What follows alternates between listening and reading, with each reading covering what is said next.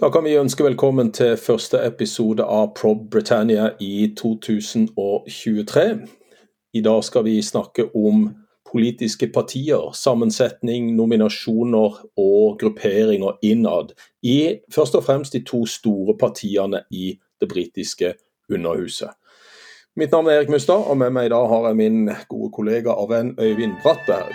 We shall never surrender. The pride in who we are is not a part of our past. It defines our present and our future. The people of Scotland have spoken. England, Scotland, Wales, Northern Ireland together, taking us forward, unleashing the potential of the whole country. Ja, eh, Øyvind. Underhuset i dag består jo av 650 representanter. Det har de ikke alltid gjort, så det skal vi komme litt tilbake til. Men av de 650 så er det jo to partier som dominerer, som har dominert britisk politikk i eh, mange tiår, nemlig Det konservative partiet og Labour. De konservative har nå 356 av disse 650 og Labour har 195.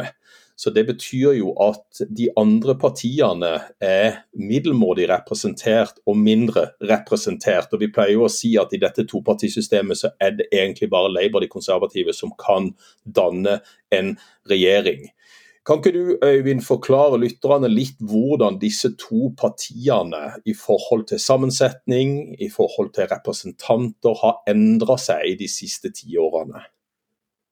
Ja, her er det uh, mye å, å, ta tak i, et veldig fascinerende tema, egentlig. Hvordan den politiske eliten er, uh, er sammensatt. og det, det, er jo et, et uh, egnet tidspunkt for å ta opp dette temaet nå, når det smått om senn nærmer nærmer seg valg. og det blir det blir første gang på lenge, første gang siden 2015, at man har, en, en, si, har, tid til å forberede og føre en ordinær prosess frem mot et valg. Både når det gjelder utforming av eh, politiske programmer og valg av kandidater.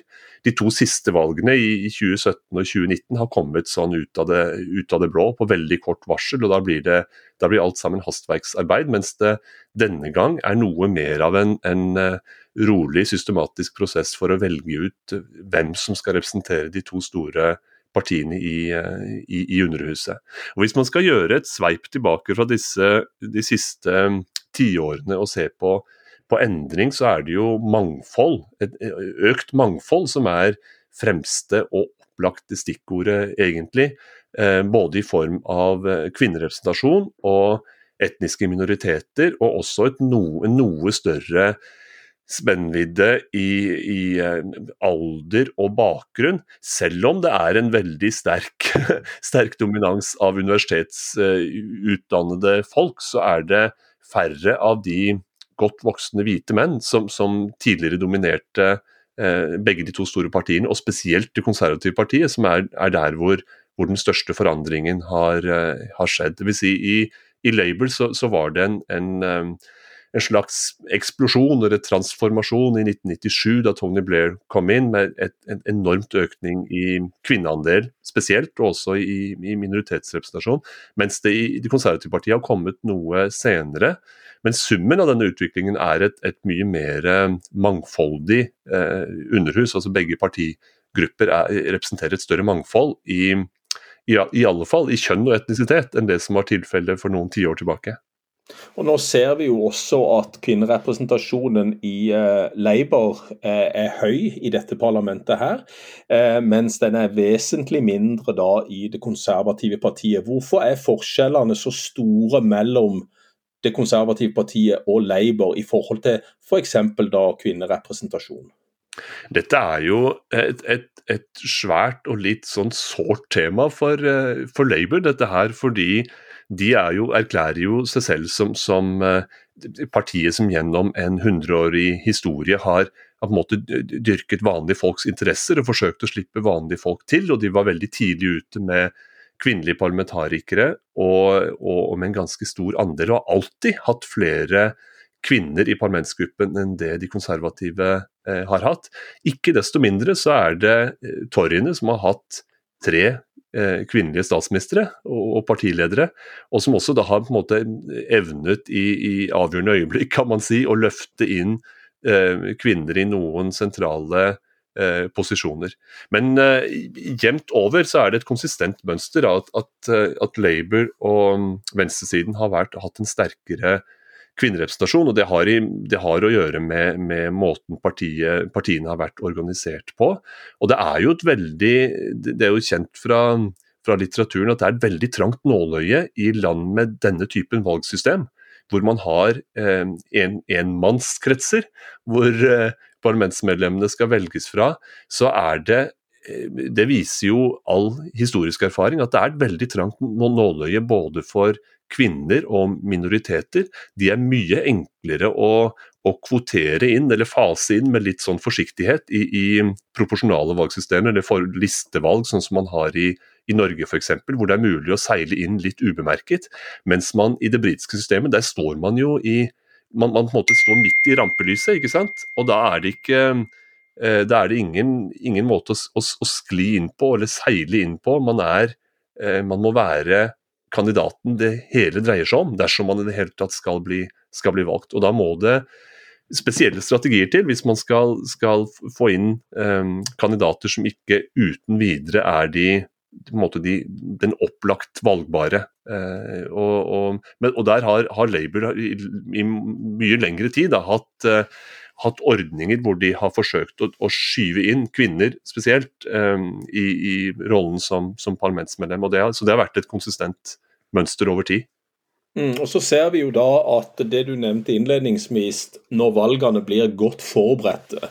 Sånn som i 1997, da visste vi jo på, på forhånd, ganske lang tid på forhånd, at det ville bli et valg i mai 1997. 1997. Det visste vi også i 2010, da det ble en koalisjonsregjering mellom de konservative og liberaldemokratene med, med David Cameron og, og Nick Clegg. Eh, og Hvordan tror du da at når vi nå vet at det kommer et valg antagelig våren 2024, hvordan tror du disse nominasjonsprosessene ute i disse valgkretsene nå foregår i partiene? Er det grunn til å tro at de konservative vil prøve å nominere flere fra etniske minoriteter? Flere kvinner? For å få en bredere representasjon i partiet, sånn som Labour har. For nå har jo da de konservative 268 menn av disse 356. og Det gir da eh, 88 kvinner eh, i det konservative partiet. Mens i Labour er det da motsatt, som vi, som vi sa, med 101 kvinner og 94 menn. Når det er så god tid til å planlegge neste valg, som vi var inne på, hvordan tror du at denne nominasjonsprosessen i enkeltmannskretsene foregår nå frem mot neste valg? Det blir veldig eh, interessant å følge den, den prosessen. Jeg tenker den, den forrige virkelige milepælen for de konservative var jo, som du nettopp sier, eh, i, i 2010, hvor man gjorde et, eh, et storveis valg, fikk et, en, en, en durabelig utvidelse av parlamentsgruppa og hadde hatt god tid til å planlegge det. Dette ønsket om å fase inn politiske talenter og ha en skikkelig gjennomført prosess hvor man, hvor man får eh, ressurssterke, dyktige, kloke hoder inn. David Cameron hadde en, en svært gjennomtenkt tanke, eh, svært gjennomtenkt strategi eh, for, for, dette. og det, det, ligger jo i sakens natur at hvis man eh, kommer til et valg hvor man slett ikke gjør det godt, tvert om får innskrenket sin parlamentsgruppe, så betyr det også ofte at, at, den, eh, at en del av det litt sånn de, de, de, spennende folkene som har kommet til, de kan være blant de som, som faller fra. Fordi de ikke klarer å de, de, vinner ikke tilstrekkelig mange kretser. Og en del av de kretsene hvor de spennende folkene har kommet inn, det, er, det har vært de, de, marginale, eller de som man bare vinner i et valg hvor man har ordentlig medvind. Så det er sårbart, vil jeg si, for, for torgene om de klarer å opprettholde den brede basen av, av talent som de har, har dyrket gjennom det siste tiåret, hvor de har hatt flere veldig, veldig sterke valg.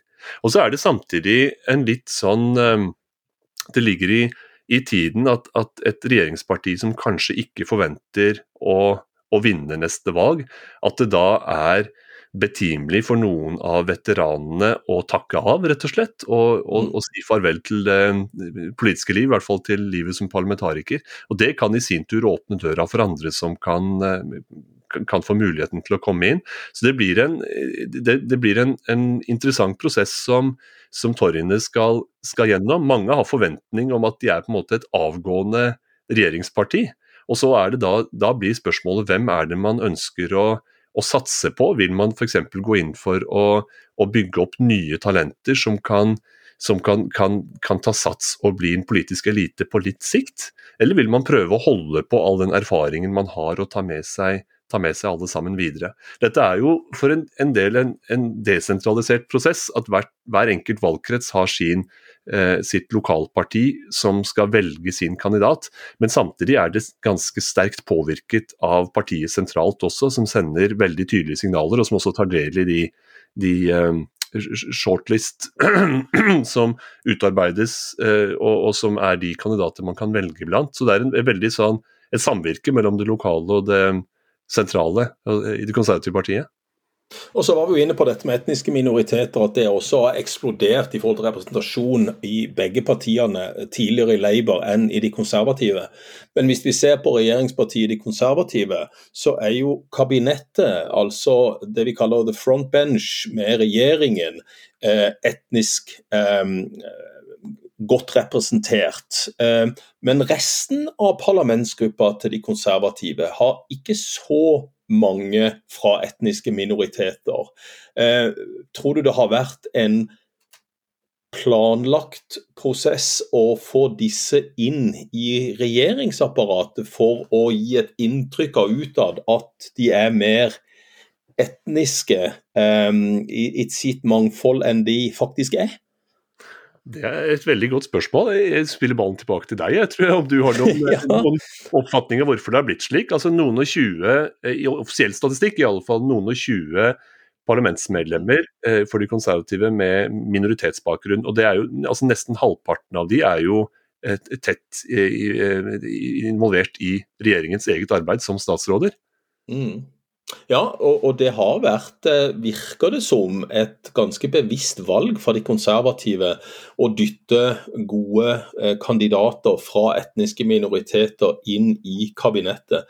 Det, det har vi sett siden 2010, at mange av de som kom inn da, eller de som kom inn i 2005, da de tapte siste valg som ble vant for, for Labour, har eh, etter hvert fått en sentral plass i, i skal vi si, ledergruppa i parlamentsgruppa i Det konservative partiet, og har da rykka inn i eh, posisjoner som ministre eller statssekretærer i parlamentsgruppa til Det konservative partiet, da de eh, også fikk makten alene i 2015. Så det kan jo virke at, eh, som at dette bildet er mer differensiert da, i forhold til etnisitet enn det det faktisk kanskje er.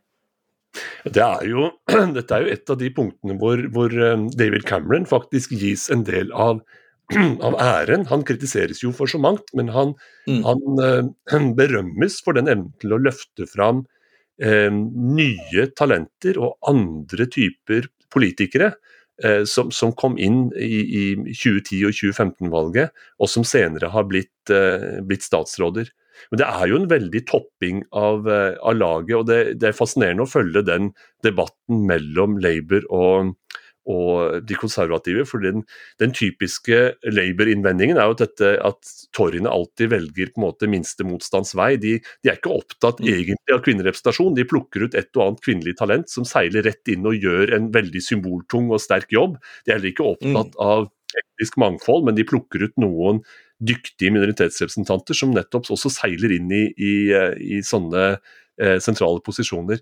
Men det er jo en litt eh, formålsløs kritikk. Da skal man, eh, skal man, på en måte innvende at dere, dere skulle hatt haugevis med på en måte vanlige mennesker i alle ledd. Det viktige er vel at man, man får fram dyktige folk. Og så har det også stor betydning for det flerkulturelle Storbritannia at man har finans, finansminister, utenriksminister, eh, innenriksminister, mange av de tunge vervene bekledd av folk med, som, som, er annerledes fra det eliten tradisjonelt har vært. Det, det, burde man jo se som et pluss, tenker jeg i hvert fall.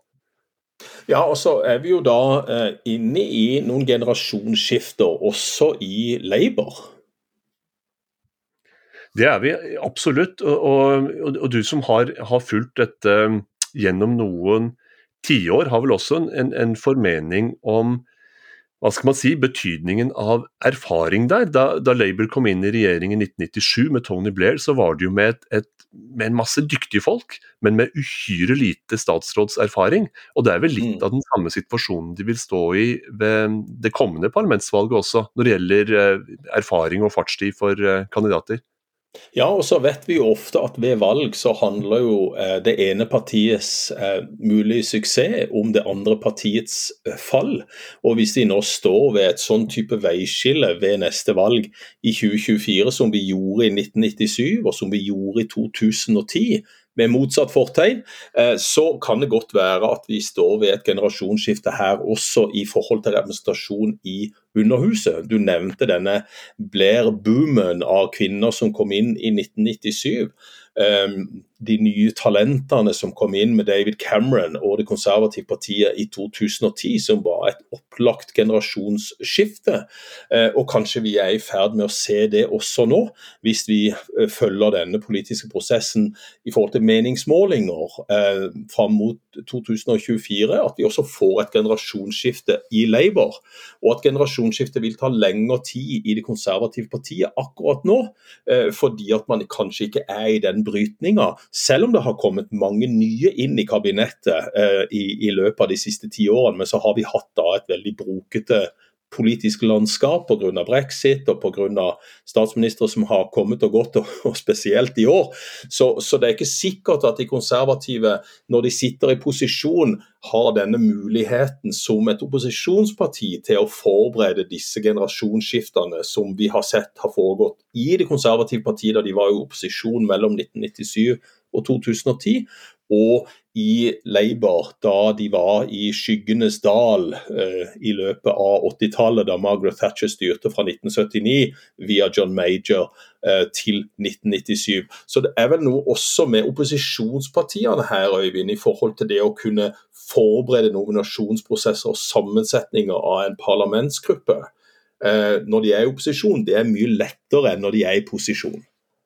Det er jo det er noen uh, særtrekk her ved det britiske som er uhyre fascinerende. Uh, både disse lange pendelsvingningene i, i, uh, i, i, regjeringsskifter og regjeringshegemoni som gjør at man kan være lenge i skyggenes dal, som du sier, og, og på et vis bygge opp nærmest en generasjon med politikere før det omsider er ens, ens, ens, tur har kommet. Det var så absolutt tilfellet da, da, Labour kom inn i 97, det var det samme da Torriner kom inn i, i 2010. Og så kan man oppleve noe lignende atter en gang nå, hvis det blir 2024 når det kommende valget eh, finner sted, at, at Labour på et vis må med nødvendighet ta inn en, en helt ny generasjon eh, politikere. Så det er disse det er langsomme bevegelser mellom, mellom, det ene partiet og det andre partiets hegemoni som, som gjør at en, en, egen generasjon får sjansen, så å si. Så er det også sånn at, at det er ganske hyppige statsrådsskifter underveis ofte. Slik at ved, ved avslutningen på en, på en æra, f.eks. Labour på vei mot 2010, så kunne du se liksom de enkelte politikerbiografiene at de har jo fem-seks skalper i beltet, liksom. De har sittet i haugevis av forskjellige posisjoner. og Du har en helt mm. sånn klasse med politikere som da typisk går av fordi man har kommet til slutten av en, en æra eh, og, og, kommer ikke til å få regjeringsmakt på en stund. Og så er det ikke så attraktivt å bare være vanlig eh, parlamentsmedlem. Så det blir, noen veldig, det blir noen litt sånn knoklete skifter mellom det ene partiet og det andre partiets hegemoni. Og så er det jo også sånn at alle statsråder må med nødvendighet være De må velges blant parlamentarikere. Slik at du, du kan jo ikke på et vis gå og finne gamle ringrever annensteds, unntatt fra House of Lords, da, så må det være valgte politikere. Så man må sørge for at de kandidatene man skyver fram, faktisk er gode nok til også å være statsråder. Ja, det ligger jo litt i nominasjonsprosessene rundt forbi i disse enmanns- eller enkeltmannskretsene som vi snakker om. Eh, at her må jo de lokale partiene i samråd med det sentrale partiet være flinke til å nominere de kandidatene som de ønsker å få inn i Underhuset, og eventuelt bruke senere i eh, regjeringssammenheng eller i kabinettet. Og som du nevnte, så har jo kanskje de konservative vært spesielt gode til dette, med å løfte fram talenter og sørge for at de får plass i Underhuset. De vinner de eh, kretsene som de da blir plassert i og, og vinner. Eh, og Det er jo også noe som eh, Labour er nødt til å tenke på fremover nå, i forhold til å rekruttere kanskje en ny gruppe med frontbenches som kan delta i en eventuell regjeringsmakt hvis Keir Starmer eh, og Labour skulle klare å gå av med seieren ved neste valg. En, en, interessant side ved dette her er jo også at en større parlamentsgruppe, eh, et, et, et, godt valg og en stor parlamentsgruppe gir også større mangfold, ikke bare i form av, av eh, kjønn og alder og etnisitet og alt det der, men også større ideologisk mangfold. Eh, og Det er jo noe som eh, Torjene har fått erfare under Boris Johnson, og, som, som, Sunak nå, nå, lever med som statsminister. At, den, eh, at de fløydannelsene som vi har snakket om før, og de veldig ulike eh, interessene som er representert i partiet, er jo også en konsekvens av at de gjorde et heidundrende godt valg i 2019. Og, og vant kretser i deler av England og i bestemte lokalsamfunn hvor de ikke tradisjonelt har hatt noe, no, noe særlig å, å fare med. og Det betyr at at det er mange som trekker i litt forskjellig retning eh, i, som, som, grunnlag for partiets regjeringsmakt, og som gjør det litt vanskelig å samle flokken. Tror du at noe tilsvarende kan bli en utfordring for Keir Starmer og Labour dersom de virkelig gjør et brakvalg neste gang? Ja, det er vel kanskje det vi har vært litt spente på. For det er interessant å se den eh, mangfoldigheten som finnes i Labour. Vi har jo pleid å si at de konservative har vært flinkere til å konsentrere stemmene sine i utvalgte regioner, kanskje mest i England. Og nå vet vi jo at Labour har tapt kampen om Skottland til det skotske nasjonalistpartiet. Så det å ha denne voldsomme mangfoldigheten har kanskje gjort det vanskelig for Labour eh, i disse årene som de har vært i opposisjon. Så nå spørs det jo hva nominasjonsprosessene eh, blir i Labour fram mot neste valg. Og får de stor, en stor bredde, da, både regionalt og eh, sammensetningsvis i forhold til eh, etnisitet, eh, kjønn, alle disse andre parametrene, så, så, kan det jo bli en utfordring å dra i samla flokk, fordi at forventningene i partiet også eh, blir så mangfoldige og kanskje vidtsprikende mer enn en det man har sett i det konservative partiet, som, som, virker på mange måter som de er et mer samla parti. Eh, men i den siste perioden eh, fra 2019, så ser vi kanskje noen av de tendensene i det konservative partiet også som vi har sett i Labour. Nemlig det at det er vanskelig å samle troppene og gå i riktig retning sammen. Det hjelper jo dersom man et, eh, kan legge en sånn tykk glasur av et, et felles prosjekt ovenpå eh, det mm. hele. Og det var jo noe New Labour eh, lyktes med under, under, Blairs lederskap. At mm. eh, over det, det, det, det voldsomt, de voldsomt forskjellige bakgrunnene og ulike lokale utspring og, og ideer osv., så, videre, så la man en, en skikkelig tykt lag med glasur som handlet om at dette er New Labour, dette er, er Blair, det, det, det, det, nye Storbritannia, og et, et, knippe med helt konkrete mål som vi skal oppfylle. Og Starmer kunne nok trenge noe tilsvarende, og det er vel i gang med å, å, å utvikle på en måte et, eh, et, et, felles prosjekt som skal være tydelig nok ved, ved neste valg. Da. Men enn så lenge så, så, virker det som den klareste strategien når det gjelder å nominere politikere, er å, å, å på en måte stenge ute noen av de mer radikale, ytterliggående og ofte eh, Jeremy Corbyn-støttende kandidatene og få en sånn noenlunde felles front. Men hva glasuren skal være, hva som skal være det på en måte alle vil kjenne igjen en Labour-kandidat på, det, det, er ikke ferdig definert. Så det er mer, det er mer arbeid å gjøre for begge de to store partiene på, på mange fronter fram mot det valget som skal komme. Og det å velge kandidater og, og en, en, profil i alle de 650 valgkretsene, det er noe av det viktigste som skal skje det før et uh, valg nærmer seg.